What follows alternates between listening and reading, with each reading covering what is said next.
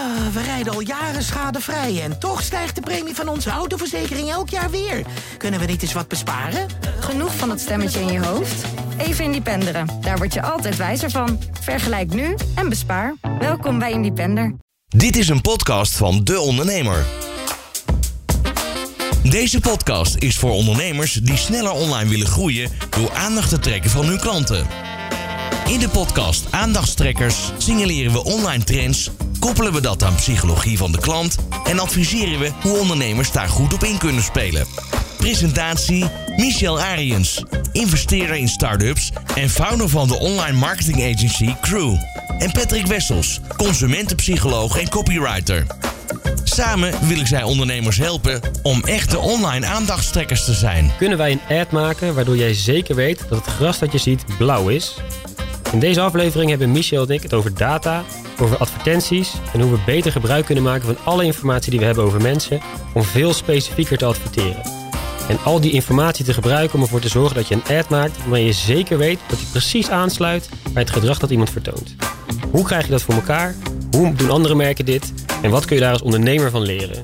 Dat bespreken we in deze aflevering. Dit is Aandachtstrekkers. Presentatie Michel Ariens en Patrick Wessels. Nou, uh, Michel, ik heb laatst de Social Dilemma gezien. Ja. Uh, over Facebook en alle andere platformen. Uh, de berg data die ze hebben. Hoe ze mij daarmee proberen te beïnvloeden om zo lang mogelijk te blijven kijken. Ja. Nou heb jij het altijd over dit soort onderwerpen. Dus volgens mij weet jij hier onwijs veel van. Ja. Um, en ik ben gewoon heel erg benieuwd. Hoe zit dat nou in de online advertising wereld? Hoe, hoe, hoe krijg je dat voor elkaar dat je mensen bepaalde ads kunt laten zien of niet? Of, hoe, leg me dit nou eens uit. Hoe werkt dit? Nou, ik, uh, ik vind een goede vraag. Laten we even een stapje terug van... Um, voor de mensen die Social Dilemma nog niet hebben gezien... denk volgens mij heeft de hele wereld erover gehad. Maar voor de mensen die het nog niet hebben gezien... Hè, dat is een documentaire die eigenlijk erover gaat... hoe de platformen zoals Facebook, uh, Snapchat, Pinterest, Instagram... Um, hun algoritme zo hebben opgebouwd met als doel jou zo lang mogelijk op dat platform te laten. Ja, time spent in plaats van time well spent. Dat exact. was het grote probleem. Exact. Ja. Dus hoe krijg ik jou vijf minuutjes langer op mijn platform uh, om maar gewoon te scrollen, om daarmee uiteindelijk meer ads te verkopen. Maar de grap is eigenlijk dat ik heb de Social Dilemma ook gezien. En ik vond het heel erg opvallend dat één, mensen verbaasd waren dat dit gebeurde. Uh, dat, ik dacht dat dit al een soort van bekend was bij iedereen. Maar de grotere verbazing is eigenlijk dat het platform zich heel, of de documentaire zich heel erg focuste op hoe wij als soort van schapen, quote-unquote, worden gedwongen om lang op dat platform te zitten. Mm -hmm. Terwijl um, eigenlijk de grote hoeveelheid data die bijvoorbeeld Facebook heeft, heel veel opties neerleggen voor advertisers zoals ik, om daar misbruik van te maken. En uh, niet iedereen zal. En je schaamt je er niet voor, zo te horen. nou, ik denk, uh, het is eerlijk waar dat ik ook heel erg op zoek ben, nog steeds, naar partijen waar ik dat voor het goede kan inzetten. Alleen het is heel lastig om, uh, om dit aan mensen uit te leggen. Mm -hmm. Dus ik, ik denk. Ik wil, ik wil, nou, laten we dat dan een voorbeeld nemen. Dat vind ik wel leuk. Om, om dan voor een goed, uh, goed doel in die zin. Ja. Om dat uit te gaan werken. Hoe dat dan zou werken. Nou, laten we uh, altijd lastig om een goed doel waar geen politieke ge gevoelens achter zit. Maar laten we nou even een onderwerp nemen waar ik heel erg mee zat.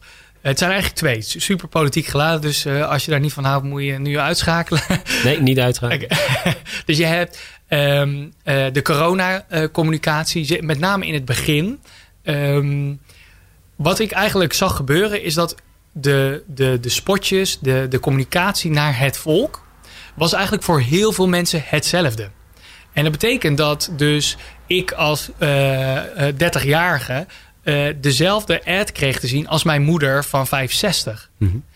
Terwijl zij heeft een heel ander leven. Zij heeft hele andere gedachten over deze situatie. Zij, heeft heel andere, zij voelt zich natuurlijk veel minder aangesproken door bijvoorbeeld een video-advertentie. Waarin je een jong gezin over de straat ziet rijden. Ja. Waar, juist, waar dan communicatie is, we doen het met elkaar en we moeten elkaar gezond houden zij zou zich daardoor aangesproken kunnen voelen. Maar zij maakt zich met name druk over met wie kan ik britje vanavond. En, en hoe gaat het in mijn vriendinnengroep met ja. ieders gezondheid. Ja. Terwijl de grap is, de data die de online platformen hebben bieden ons zoveel mogelijkheden om dus heel specifiek te gaan targeten. Wat ik wat ik bijvoorbeeld een hele grappige. ehm, eh, even een zijstapje, maar vind ik echt super interessant om toch even te vertellen.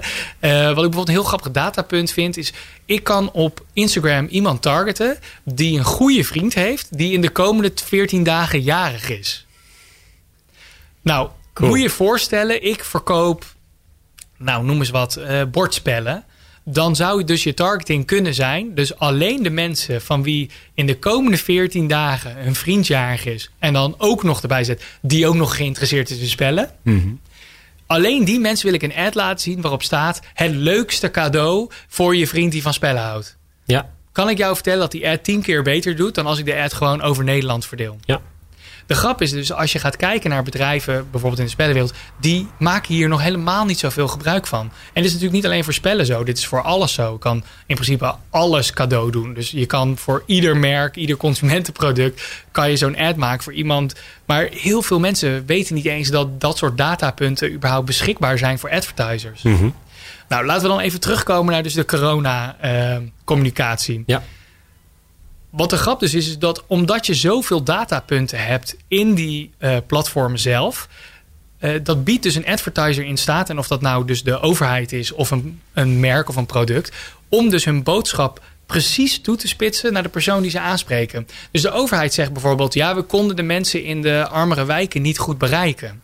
Dan denk ik, dat vind ik gek. Want Want jij denkt dat je wel degelijk kunt uitvinden wie dat dan zijn. 100%. En dan zou je ze makkelijk kunnen benaderen met een boodschap die voor hen specifiek aanspreekt. 100 procent. Ja. Dus eh, je hoeft niet een tv-spot te pakken om hun te bereiken. Want al die mensen zitten ook op Facebook, zitten ook op Instagram. Die krijgen ook ergens hun informatie vandaan. Dus de zoektocht is, welke postcodes zijn dat bijvoorbeeld? En wat is bijvoorbeeld overwegend het geloof? Of wat is overwegend de taal? Of wat is over... Al die datapunten kan je pakken. En dus al die vertalingen kan je doorvoeren. En al die beelden kan je aanpassen. Waarom zou ik in een buurt waar bijvoorbeeld overwegend eh, geen kaaskoppen zoals ik met, eh, voor mensen die mij niet kennen, ik heb een enorm rode baard eh, en ik ben enorm blank. Dat, waarom zou je mij op een videootje zetten voor in een wijk waar met name bijvoorbeeld mensen met een immigratieachtergrond zitten? Ja, dat spreekt hun waarschijnlijk niet Nee, aan. nee.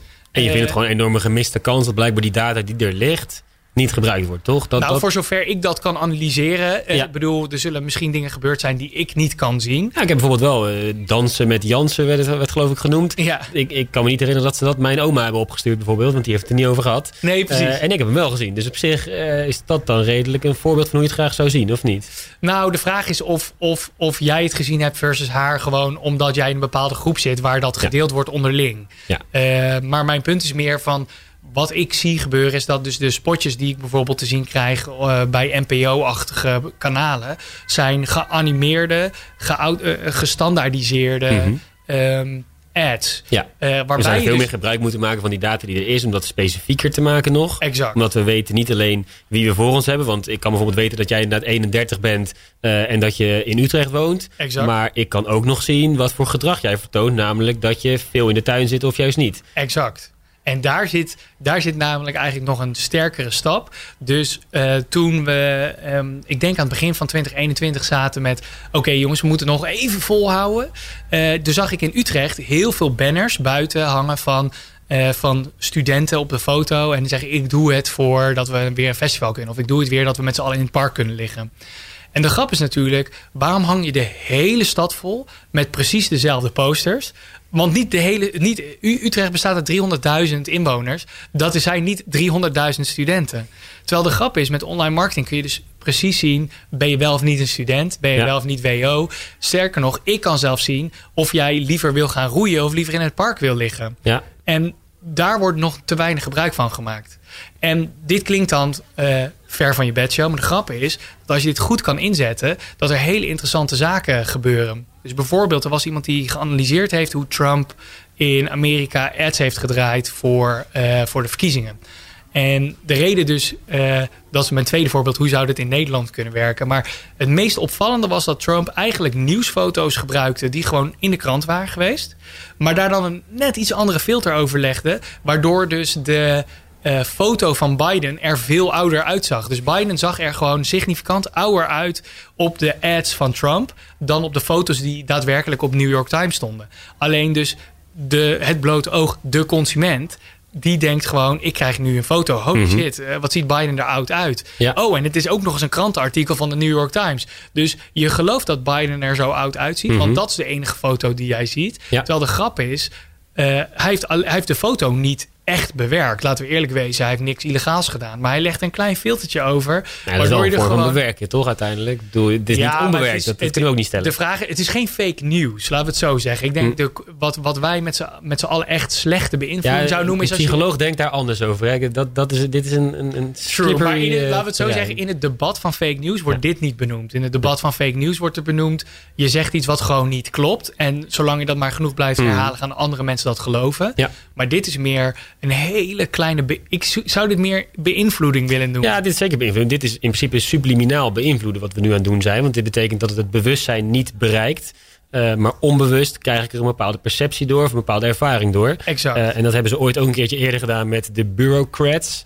eh, tegenover de andere partij uiteraard. En dan hadden ze RATS hadden ze groter gemaakt. Waardoor de rats stond. Dat is subliminaal gebeurd. Dus met een zo'n korte tijd dat je het absoluut niet bewust kon waarnemen. Maar je onbewustzijn neemt het wel waar. Dat is subliminaal adverteren. Dat is ook verboden. Dat mag niet. nee. Ehm, alleen, dat gebeurt nog steeds de hele tijd. Alleen per ongeluk. En in dit geval dan bewust blijkbaar. Ja. Eh, maar per ongeluk gebeurt het ook. Want in mijn ooghoek gebeurt er nu ook iets. En dat neem ik wel degelijk waar. Ondanks dat mijn bewustzijn niet zal bereiken. Eh, Nee, maar, dat is... En vandaar dat ik daar een klein beetje op aansla als psycholoog. Ja. Eh, subliminaal, dat is een, een een spannend terrein, zeg slope. maar. Ja, ja, zeker. Nou, maar laten we hem dan. Kijk, en de, dus ehm, een idee wat ik ooit had. En we gaan het straks terugbrengen naar hoe je daar hier nou als ondernemer iets mee kan. Maar ik denk, een idee wat ik ooit had is. Een testbedrijf voor hoeveel euro kan ik nou een zetel kopen? Want als je kijkt naar hoe de politiek reclame doet, is ook nog vrij. Heel Nederland zou CDA kunnen stemmen. Of heel Nederland zou GroenLinks kunnen stemmen. Dus we proberen zoveel mogelijk Nederlanders te bereiken. De rode rozen van, eh, volgens mij is dat eh, de PvdA. Ja, ja. Die dus rode roos gaat uitdelen op straat. Dat is super breed. Ik bedoel, eh, wie ga, wie, je weet niet of je nou een, PV, een potentiële PvdA-stemmer bereikt. Ja. Of eh, iemand die nooit zou stemmen. Of, Of al een hele trouwe PvdA-stemmer die die Roos denkt... Goh, dat is leuk, maar daar stemde ik toch al op. Exact. Ja. Dus je, je, je, ga, je gooit je net super wijd. Ja. Nou, ik vind het dus leuk. Dat doe ik in mijn vrije tijd. Een enorme nerd. Dan vind ik het leuk. Want je kan op Facebook gewoon zien welke ads politieke partijen runnen. Ik kan helemaal terugzien. Dus ik kan precies zien welke ads zij gerund hebben tijdens verkiezingstijd. En ook daar weer zie je dat de ads die gerund worden heel ehm, het, het, het verschil minimaal is. Dus er worden hele grote budgetten besteed, maar zijn allemaal vrij vergelijkbare ads. Terwijl het moment dat politieke partijen zo slim worden. Dat ik dus bijvoorbeeld, eh, stel ik wil Jesse Klaver eh, in het torentje krijgen. En ik zie, ehm, eh, en ik zie jij houdt van tuinieren, daar hadden we het over. Jij houdt van, nee, je houdt van de Formule 1. Juist.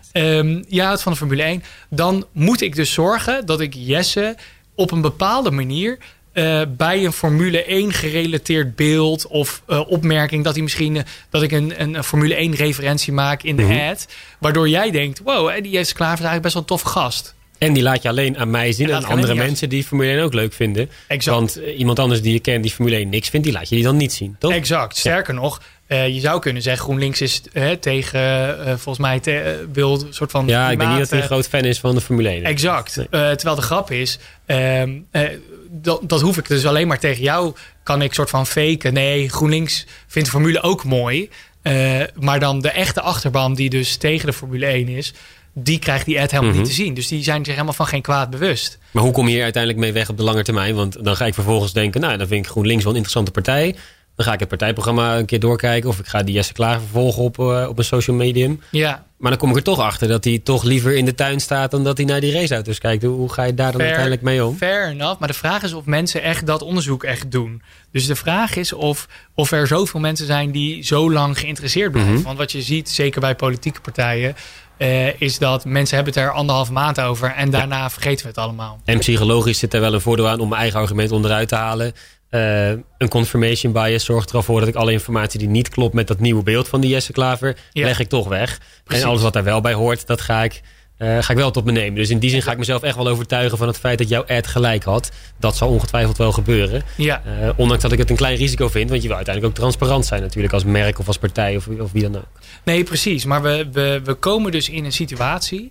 en daar, zit, daar zitten we eigenlijk nu in... waarbij er meer data en meer targetingmogelijkheden liggen... dan die bedrijven eh, en personen nu nog echt gebruiken. Dus we Ja. hebben het over de Russen beïnvloeden de, de eh, politiek in Amerika of in Nederland of in Europa. De grap is eigenlijk dat jij en ik met een creditcard eh, voor 1000 euro morgen ads kunnen draaien. Eh, Om mensen meer appels te laten eten bijvoorbeeld. exact. Dat vind ik dan Dus- wel weer een goed idee. Stel dat we nou, want, dat vind ik namelijk, da- daar loop ik al wat langer mee. Die grote merken, de, Coca-Cola's en, en wie dan ook, die mogen ons de hele dag beïnvloeden. Dat vinden we allemaal prima. Ja, Maar als nu de overheid op een subliminaal slimme manier ons appels gaat laten kopen, dat heb ik wel eens ergens geroepen, dan worden Ja. er een paar mensen heel boos. ja. Die vinden dat verschrikkelijk, want we willen niet beïnvloed worden. Het is hier toch geen Noord-Korea. Nee, precies. En, en, maar, maar jij zegt dus dat dat wel goed mogelijk is met een hele eerlijke techniek. ja.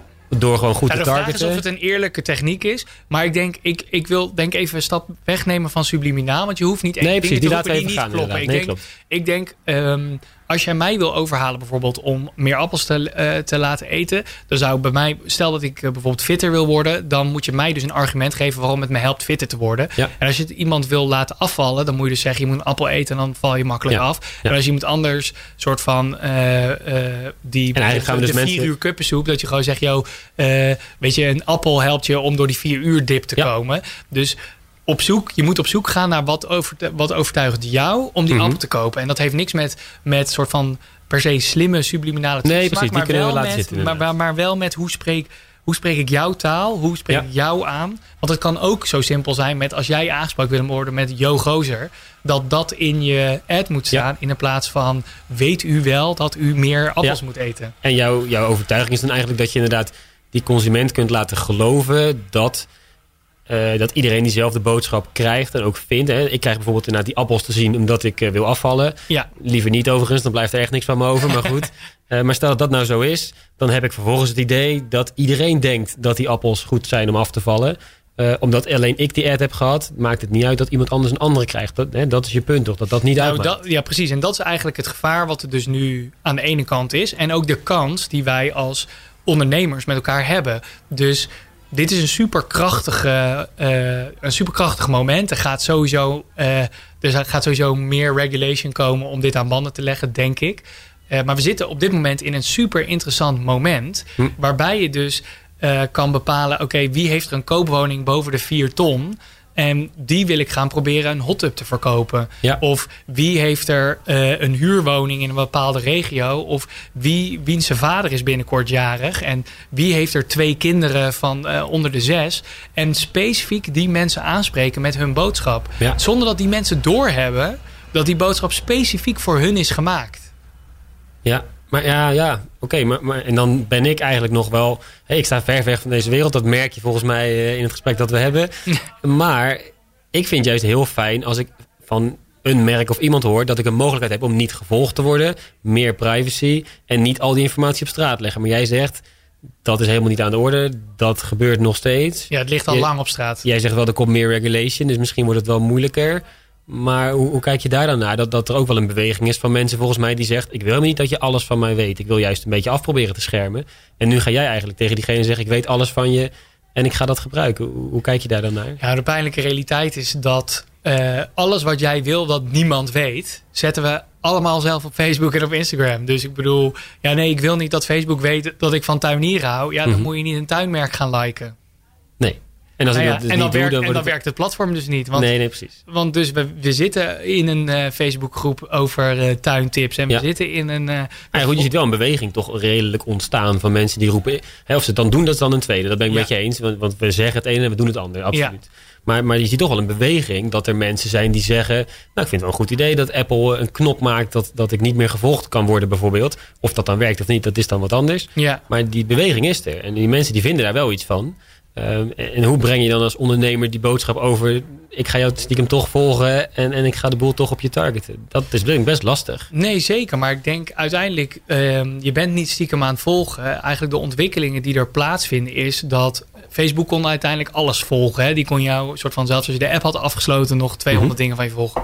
Eh, dat wordt nu aan banden gelegd. Ja. Maar alles wat je op een platform of binnen een bedrijf doet, dat zal altijd opgeslagen worden door dat bedrijf. Dat, Ja. dat, er is geen mogelijkheid om dat niet te doen. En het helpt je als consument misschien ook wel, want dan krijg je een ad die wel bij je past in plaats van niet. Dat argument Exact. kennen we natuurlijk ook wel. Ja, daar ben ik niet per se, daar ben ik persoonlijk niet per se een voor, voorstander van. Maar in principe is het zo, waar je, waar je ook een, moet inloggen, moet er altijd iets opgeslagen worden. Ja, Als jij moet ja. kunnen inloggen om te kunnen shoppen bij bol.com, weet bol.com wie je bent, waar je woont, vaak ook hoe oud je bent, want dan krijg je een cadeautje op je verjaardag. En wat je allemaal besteld hebt in de afgelopen paar jaar. Exact. Dus Ja. die weten precies hoe jij in de wedstrijd zit. Ja, Dus ja. altijd als jij een account moet aanmaken, sowieso word je getrackt. Dus ik geloof niet dat de wereld in die opzicht nog gaat veranderen. Ik denk, ehm, ik denk vooral, en dat vind ik dan het leuke van, van het ondernemen, is hoe kunnen we deze techniek gebruiken en inzetten. En eh, dan kan je dus deels denken voor iets slechts, namelijk mijn product verkopen. Ja, Eh, maar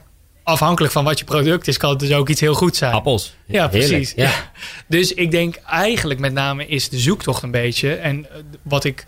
ehm, En ik zag een heel mooi voorbeeld, want dat heb jij van tevoren met mij gedeeld. ja, Over reclameborden in een stadion. En, en dat is nu heel lastig, want, want we doen dit zonder beeld. ja, Maar ik vind het voorbeeld wel zo tof.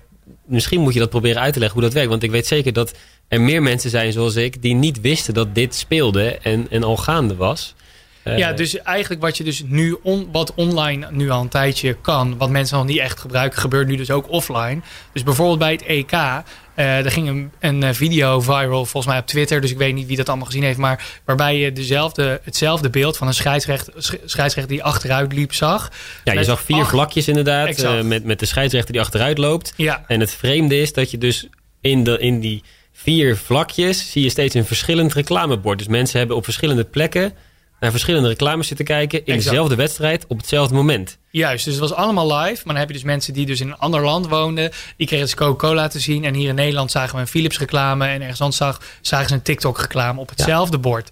Nou, en eh, dat principe, dat gaat alleen maar verder uitgebouwd worden. En ik denk, volgens mij is het dus leuk om te gaan nadenken als ondernemer.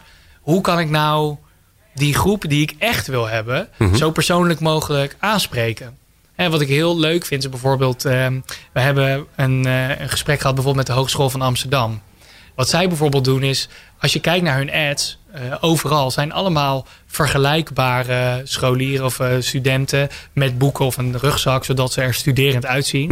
Er zijn gewoon mensen die gaan studeren omdat ze heel hard willen zuipen. Ja, Dan moet je die echt wel anders aanspreken. ja hoe, hebt- hoe dan? Dat is dan hoe je die ja, dat, dat weet ik niet. Maar je hebt ook mensen die, eh, bijvoorbeeld studenten die eh, thuis willen blijven wonen. En daar moet je veel meer praten over hoe fijn het bereikbaarheid is. En dat je ook vanuit huis kan en al dat soort zaken. En dus ik denk, volgens mij moet de vraag, moeten ondernemers zichzelf gaan afvragen en marketeers zichzelf gaan afvragen van hey, hoe kan ik in deze nieuwe datawereld waarin we allemaal denken de waarheid te weten. Want iedereen denkt, ik zie dat het gras groen is. Mhm. Alleen eigenlijk door deze specifieke targeting kunnen we mensen gaan overtuigen dat het gras echt blauw is. Ja, Terwijl ze allebei denken dat ze naar hetzelfde kijken. ja. Ja, ik vind het een interessante ontwikkeling. En ik moet zeggen, psychologisch even los van dus privacy dingen en alles wat daarmee te maken heeft. Psychologisch werkt dit natuurlijk wel. Ehm, en er zitten twee interessante elementen in bijvoorbeeld. Bedoel, je krijgt sowieso een gevoel van sympathie op het moment dat iemand net als jij is. Dus een merk zou ervoor kunnen zorgen dat je denkt dat die connectie sterker is. Ja, En als je nog een stapje verder gaat, krijg je een effect van unity, van een gedeelde achtergrond. Dat je, dat je hetzelfde bent opgegroeid of zo als dat merk. Of dat het altijd bij je is geweest. Dat, dat soort dingen kun je dan dus creëren voor specifieke groepen. Ja. En als je die twee dingen voor elkaar krijgt, dan word je als merk sowieso heel veel leuker gevonden dan wanneer je dat gewoon algemeen had gehouden.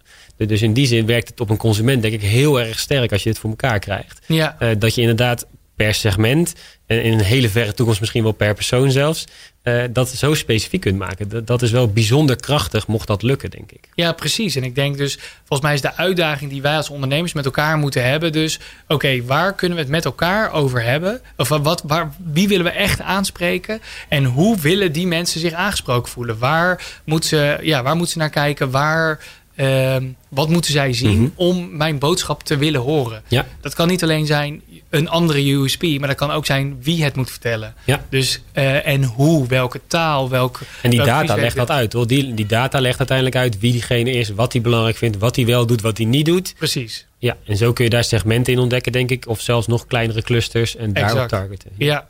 En ja, dus ik zou eigenlijk zeggen, een soort van. Neem een deep dive. Probeer eens te kijken van wie zouden eigenlijk, als we het in kleinere groepjes en clusters zouden verdelen, wat zijn alle kleine segmenten die voor mijn bedrijf interessant zouden kunnen zijn? Ja. Wa- waarom willen zij eigenlijk mijn product kopen? In plaats van op zoek gaan naar die ene zin die heel Nederland moet gaan herhalen. Nee, wat is dat specifiek voor ieder cluster? En hoe kan je dat goed inzetten?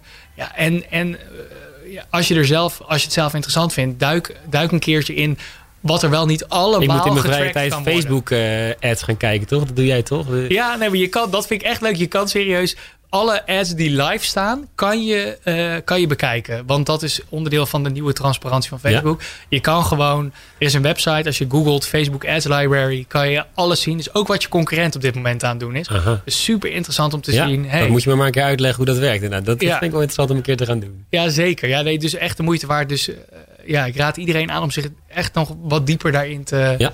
Ja. En alle ondernemers die dat ook willen weten en die daar vragen over hebben, laat het eventjes weten. Dan leg je het eventjes uit. toch? Yes, zeker. Dus in de comments of een mooie review achterlaten als je het interessant vond. Precies. En natuurlijk abonneren, anders Top. moeten we, gaan, eh, moeten we wat meer ads gaan draaien. Nee, Dus- sowieso abonneren. Ja, precies. Ik heb in ieder geval een hele fijne les gehad over eh, heel veel data. Ik vind het heel tof. Ja, Heel top. dankjewel. Bedankt voor het luisteren. Tot zover Aandachtstrekkers, een podcastserie van de ondernemer. Ga voor meer podcasts naar deondernemer.nl.